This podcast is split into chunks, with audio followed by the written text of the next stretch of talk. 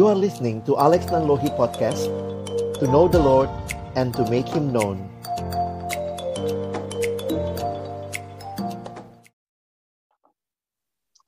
Shalom, selamat pagi teman-teman yang dikasihi Tuhan. Terima kasih Kak Erik yang sudah boleh membukakan kepada kita dari Nehemia pasal yang ke-9 sampai dengan pasalnya yang ke-13. Pagi ini dalam perenungan saya, saya akan coba membagikan apa yang menjadi refleksi dalam konteks pelayanan mahasiswa secara khusus yang kita kerjakan selama ini.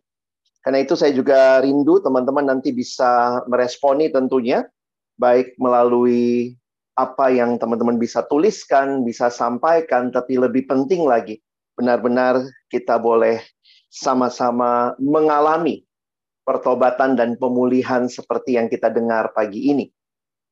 Hari ini saya ingin mengajak kita, tentunya ada beberapa teman yang ada di uh, tempat yang ada temannya di samping ya saya ingin mengajak kita berdiskusi sebentar. Pertama, kira-kira 30 detik pertama, coba jawab pertanyaan ini, lanjutkan kalimat ini. Sesudah itu kira-kira satu uh, ya satu setengah menit berikutnya, teman-teman coba ngobrol sama teman di sebelah kiri dan kananmu tentang apa yang menjadi jawabanmu. Tidak usah dibahas panjang, tapi mari dengan spontan saja. Ini pertanyaan atau ini kalimat yang teman-teman perlu lanjutkan ya. Silakan teman-teman perhatikan. Ini kalimatnya.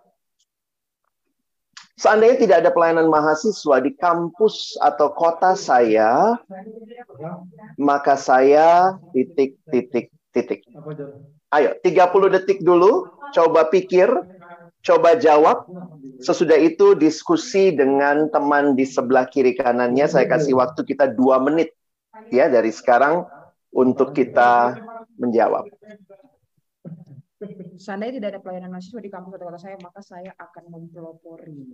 Teman-teman yang belum unmute, yang belum mute, tolong di mute dulu ya. Please, teman-teman yang yang masih terdengar suaranya boleh di mute. Panitia bisa tolong? tolong pastikan semua mute ya, sehingga kita tidak banyak gangguan. Silakan teman-teman diskusi. Nanti saya sih lihat dari sini ya, yang nggak diskusi yang saya tanya ya. Kelihatan nih, ayo silakan.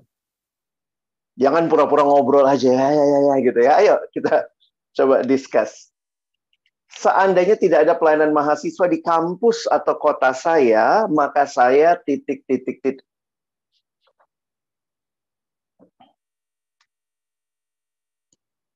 Satu menit lagi.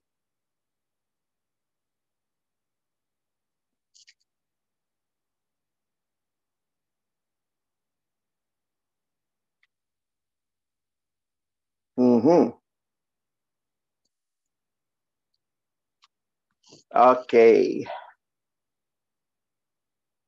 30 detik lagi. Cuma sampaikan aja apa yang kamu jawab tanpa perlu dibahas panjang, sampaikan jawabanmu ke teman kiri dan kanan. Oke, baik.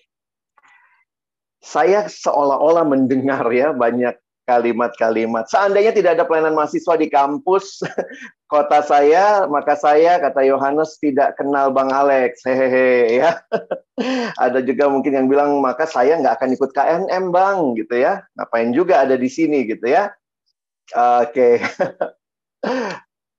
nah, eh, menarik nih. Kelly akan mempeloporinya. Wow. Saya akan Kelly akan mempeloporinya ini dari panitia ya. Kalau nggak ada pelayanan, saya akan melakukan pelayanan ini.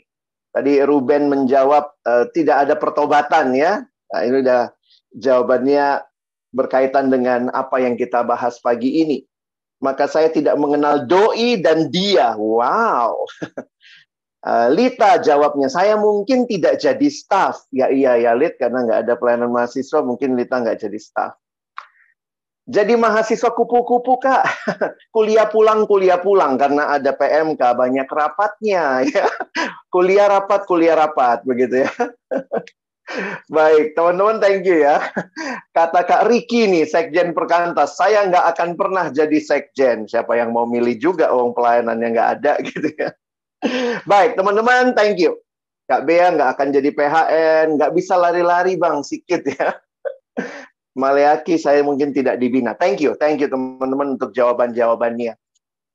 Kalau kita melihat cara Tuhan yang unik di dalam hidup kita, bagaimana kita menjadi pribadi-pribadi yang dibawa Tuhan untuk melihat bahwa ada sesuatu yang lebih besar daripada sekadar mimpi kita. Tentu waktu kita jadi mahasiswa kita punya mimpi untuk diri kita, mungkin kita emban cita-cita orang tua kita, mungkin juga ada yang bilang tidak ada keluarga kita yang sudah kuliah. Kamulah nak yang pertama kali kuliah. Apalagi kalau dapat kuliah di tempat yang baik, wah ini luar biasa. Setiap kita punya cita-cita yang besar untuk hidup kita. Tapi ingat, pencipta kita punya cita-cita yang jauh lebih besar untuk hidup saudara dan saya. Karena itulah saya melihat salah satunya Tuhan hadirkan pelayanan mahasiswa sehingga teman-teman dan saya tidak hanya jadi orang yang sekadar hidup dengan cita-cita dan ambisi, tetapi kita dibawa mengenal pemilik hidup kita dan bahkan punya ambisi memuaskan hatinya. Teman-teman, bagaimana kondisi di sekitar kita?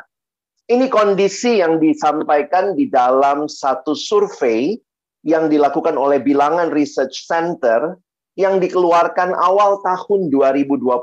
Berarti ini mungkin sudah dilakukan risetnya sebelumnya.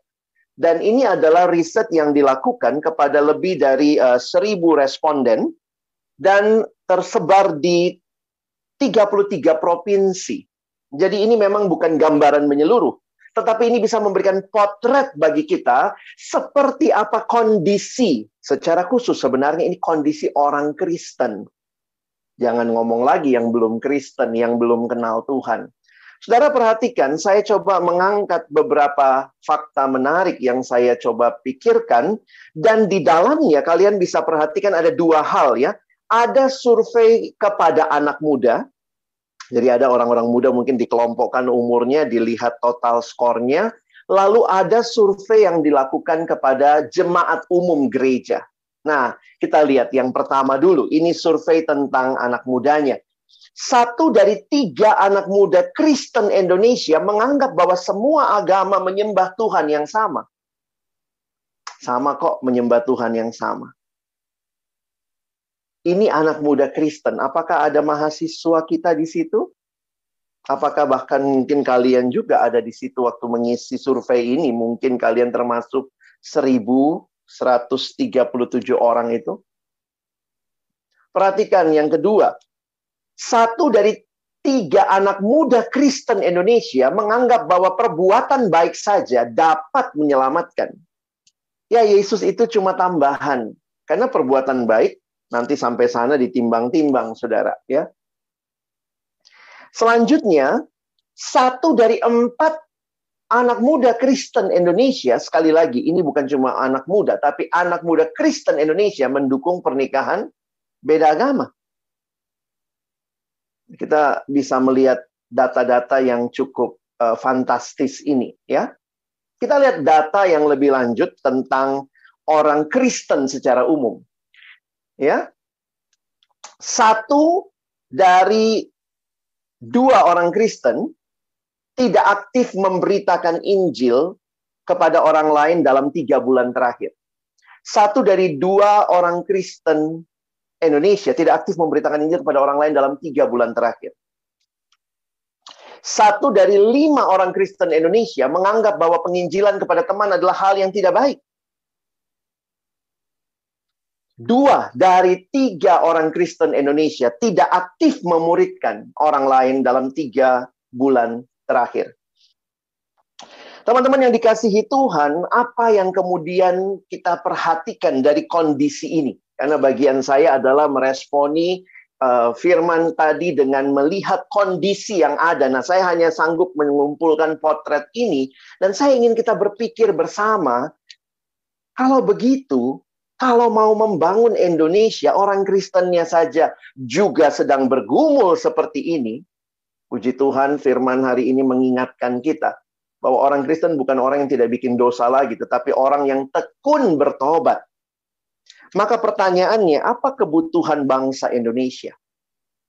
Apa kebutuhan bangsa Indonesia? Tentu banyak hal ya, tapi dalam kaitan dengan kontribusi Kristiani, apa sebenarnya yang bisa kita kontribusikan bagi kebutuhan bangsa Indonesia? Dalam perenungan saya, saya menghayati bangsa Indonesia tidak kekurangan orang yang pintar. Namun yang kita butuhkan lebih dari sekadar orang yang memiliki gelar akademis yang tinggi, S1, S2, S3. Bangsa ini membutuhkan orang yang pintar, yang hatinya dipersembahkan bagi Allah dan sesama. Saudara, ini kebutuhan yang saya gumulkan dan saya doakan dan bahkan untuk ini juga Tuhan panggil saya menyerahkan diri. Melayani kaum intelektual di bangsa ini. Bangsa ini bukan hanya butuh orang yang pintar. Bayangkan kalau dia cuma pintar, tapi hatinya tidak dipersembahkan bagi Allah, tidak peduli dengan sesama. Bayangkan orang-orang seperti ini yang akan menindas. Itu terjadi di zaman Nehemia. Ada pemimpin-pemimpin yang bahkan menindas sesamanya. Saudara, kalau baca koran, kalau perhatikan begitu ya, Eh, banyak pergumulan yang dialami, dosa-dosa yang terjadi, dan itu membuat kita sadar bahwa iya ya Indonesia ini nggak kekurangan orang pintar. Karena yang korupsi-korupsi itu ada juga orang-orang yang sampai bapang apa ya gelar akademisnya mungkin bukan cuma S1, S2, S3. Kalau dia cuma lulusan, maaf, kalau dia hanya lulusan TK, kira-kira apa sih dosanya? Mohon maaf, saya bukan mengkategorikan seperti itu. Tetapi mungkin karena keterbatasan dia, maka yang dia lakukan hanyalah apa? Oh mungkin nyolek anak Pak RT, injek kaki tetangga, ya mungkin kemudian jadi berantem dan seterusnya. Tetapi ketika orang-orang pintar yang hatinya tidak takut akan Tuhan, saya membaca satu berita beberapa tahun yang lalu. Seorang mahasiswa ilmu komputer tingkat akhir membobol kartu kredit di salah satu kota di Indonesia. Menarik, saudara ya. Barang dikirim ke rumah dia, tagihan ke rumah orang lain. Siapa yang bisa lakukan itu? Orang yang pintar, yang bisa ngehack segala macam, dia bisa masuk ke sistem. Mungkin yang lulusan TK tidak melakukan itu.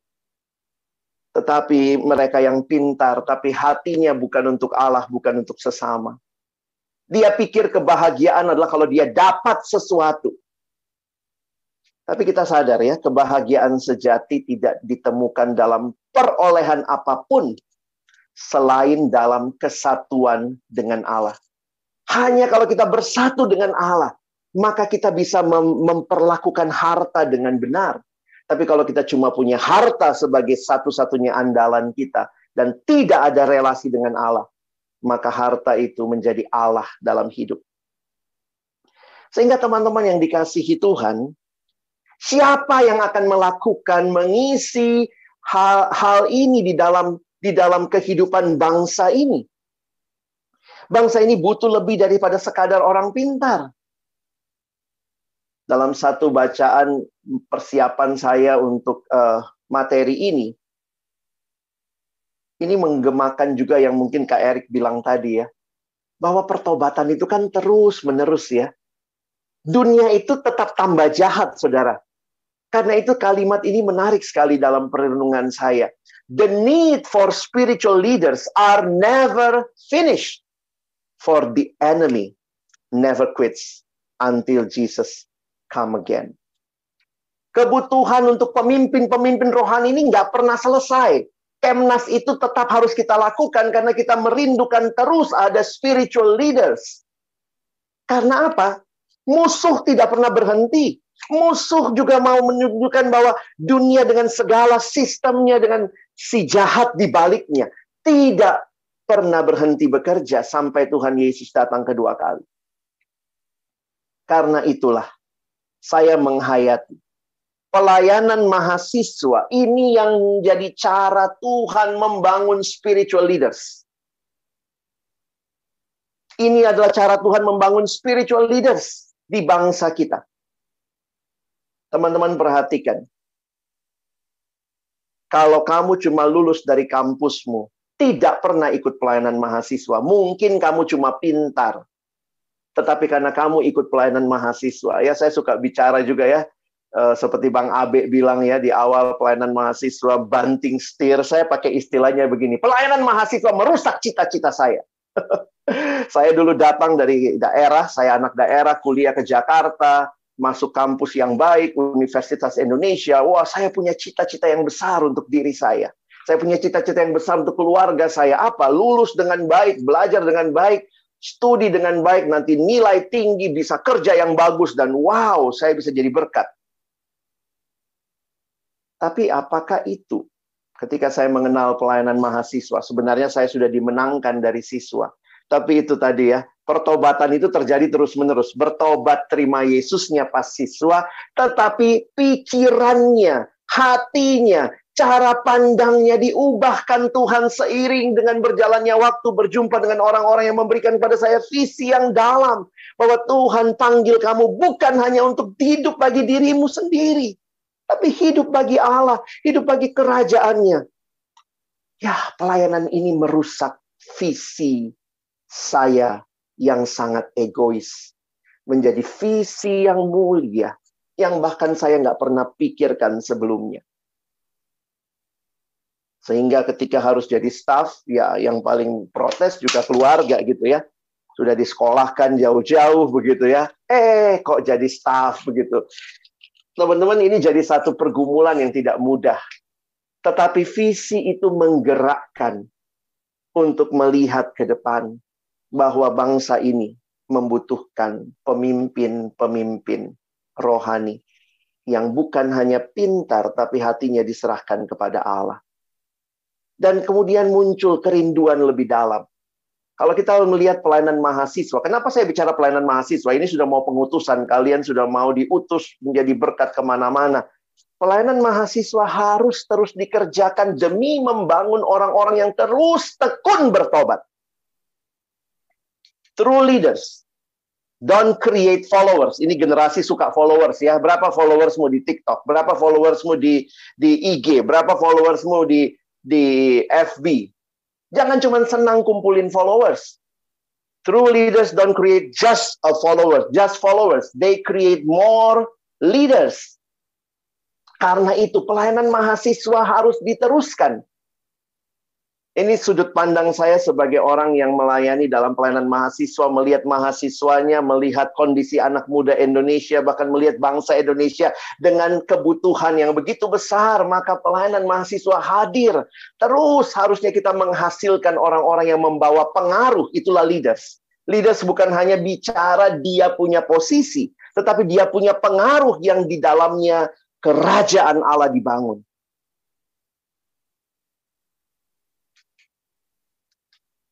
It is the biblical duty of every generation of Christians to see to it that the next generation hears about the mighty acts of God. Ini kalimat pendeta John Piper. Ini tugas Alkitabiah untuk memastikan bahwa generasi selanjutnya mendengar tentang perbuatan Allah yang besar.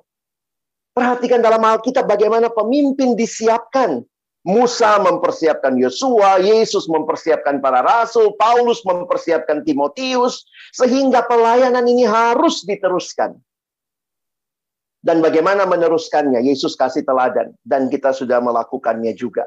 Itu inti dari pelayanan kita juga. Adanya pemuridan. Because only a disciple can make a disciple. Teman-teman yang dikasihi Tuhan, warisan terbaik bagi generasi muda adalah teladan yang baik dari generasi yang lebih tua. Kenapa saya sampaikan ini di akhir pengutusan, ini camp pengutusan kalian akan pergi jadi berkat. Banyak yang sesudah tamat, sesudah selesai pelayanan, sesudah ikut Kemnas, nggak peduli lagi dengan pelayanan mahasiswa. Yang telah kamu katakan membentuk kamu, membangun hidupmu, membawa pertobatan ada ke mana? Kadang-kadang kemarin waktu saya lihat foto-foto daerah, ada yang undang alumninya sharing ya. Saya pikir Tuhan terima kasih. Generasi ini perlu melihat teladan dari generasi yang lebih tua. Mungkin satu waktu kalian yang akan bicara di Kemnas seperti ini. Pelayanan ini harus dilanjutkan harus diteruskan karena itu pikirkan kalau sudah lulus, kalau sudah sudah pelayanan atau sudah bekerja, pikirkan bagaimana tetap mendukung pelayanan melalui doa. Mungkin kamu bisa beri diri, masih butuh PKK mungkin, pemimpin kelompok kecil, pemimpin PA di kampusmu. Bahkan juga memberi dana. Kadang-kadang kalau sudah kasih dana rasanya udah kasih semua ya. Padahal sebenarnya bukan cuma itu. Generasi ini perlu melihat ada orang-orang yang benar-benar menghidupi visi yang kita koar-koarkan di generasi ini, di Kemnas. Ada orang yang tidak cinta diri, tapi cinta Tuhan dan cinta sesama. Ada orang yang menjadikan kehidupan rohani sebagai sesuatu yang penting. Ada orang-orang yang terus bertobat setiap hari. Tekun bertobat. Gimana mewariskan iman? Iman nggak bisa di, ya banyak uh, senior, uh, atau mungkin alumni merasa ya udah kampus butuh apa? Kita bikin sekretariat. Uh, dikasihlah sekretariat semua fasilitas. Bagus sekretariatmu. Puji Tuhan. Tapi bicara iman gimana mewariskan iman ya? Iman nggak bisa di packing gitu ya dibikin pita begitu ya. No. Karena itu saya senang dengan kalimat ini. You cannot see faith but you can see the footprints of the faithful. We must leave behind faithful footprints for others to follow. Anda tidak dapat melihat iman, tetapi Anda dapat melihat jejak kaki orang-orang beriman. Kita harus meninggalkan jejak kaki orang beriman untuk diikuti orang lain. Dan itulah yang saya rindukan juga hari ini ya. Ketika teman-teman sudah dengar, perlu ada generasi yang terus kenal Tuhan, terus bertobat, tekun bertobat. Kalau Tuhan sudah membawa Anda sejauh ini dan Anda katakan bahwa pelayanan mahasiswa salah satu cara yang Tuhan pakai membawa Anda kenal Tuhan, maka mari juga kita lihat kebutuhan pelayanan ini. Mungkin ada yang dipanggil jadi staff seperti saya, seperti Kak Riki, seperti Bang Anton. Silakan diri. Kalau mungkin kamu tidak dipanggil jadi full time, Tuhan mungkin panggil kamu dalam profesimu. Bagikan itu, bagikan hidupmu, investasikan hidupmu kepada generasi selanjutnya, supaya mereka bisa melihat hidupmu yang mungkin belum sempurna, tapi sedang berjuang untuk hidup dalam pertobatan setiap hari dan terus membawa pembaharuan bagi bangsa ini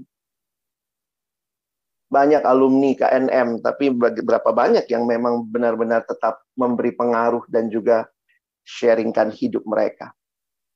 Sehingga pertanyaan saya yang terakhir, yang teman-teman nanti jawabnya nanti deh ya, waktu kita terbatas. Tapi tolong jawab pertanyaan ini, tolong jawab di Padlet, mungkin tolong jawab di tempat yang lain juga ya. Seandainya tidak ada pelayanan mahasiswa di bangsa ini, maka Indonesia akan seperti apa? Seandainya tidak ada pelayanan mahasiswa di bangsa ini, maka Indonesia seperti apa? Ketika melihat cara Tuhan yang ajaib membangun pelayanan mahasiswa perkantas di banyak kota, dengan banyak orang yang menyerahkan diri melayani sebagai staff, sebagai board, sebagai pengurus, banyak kampus-kampus yang menyerahkan diri untuk hidup bagi Tuhan. Saya melihat Tuhan ini harapan bagi Indonesia. Dikaitkan dengan yang Kak Erik bilang tadi ya teman-teman.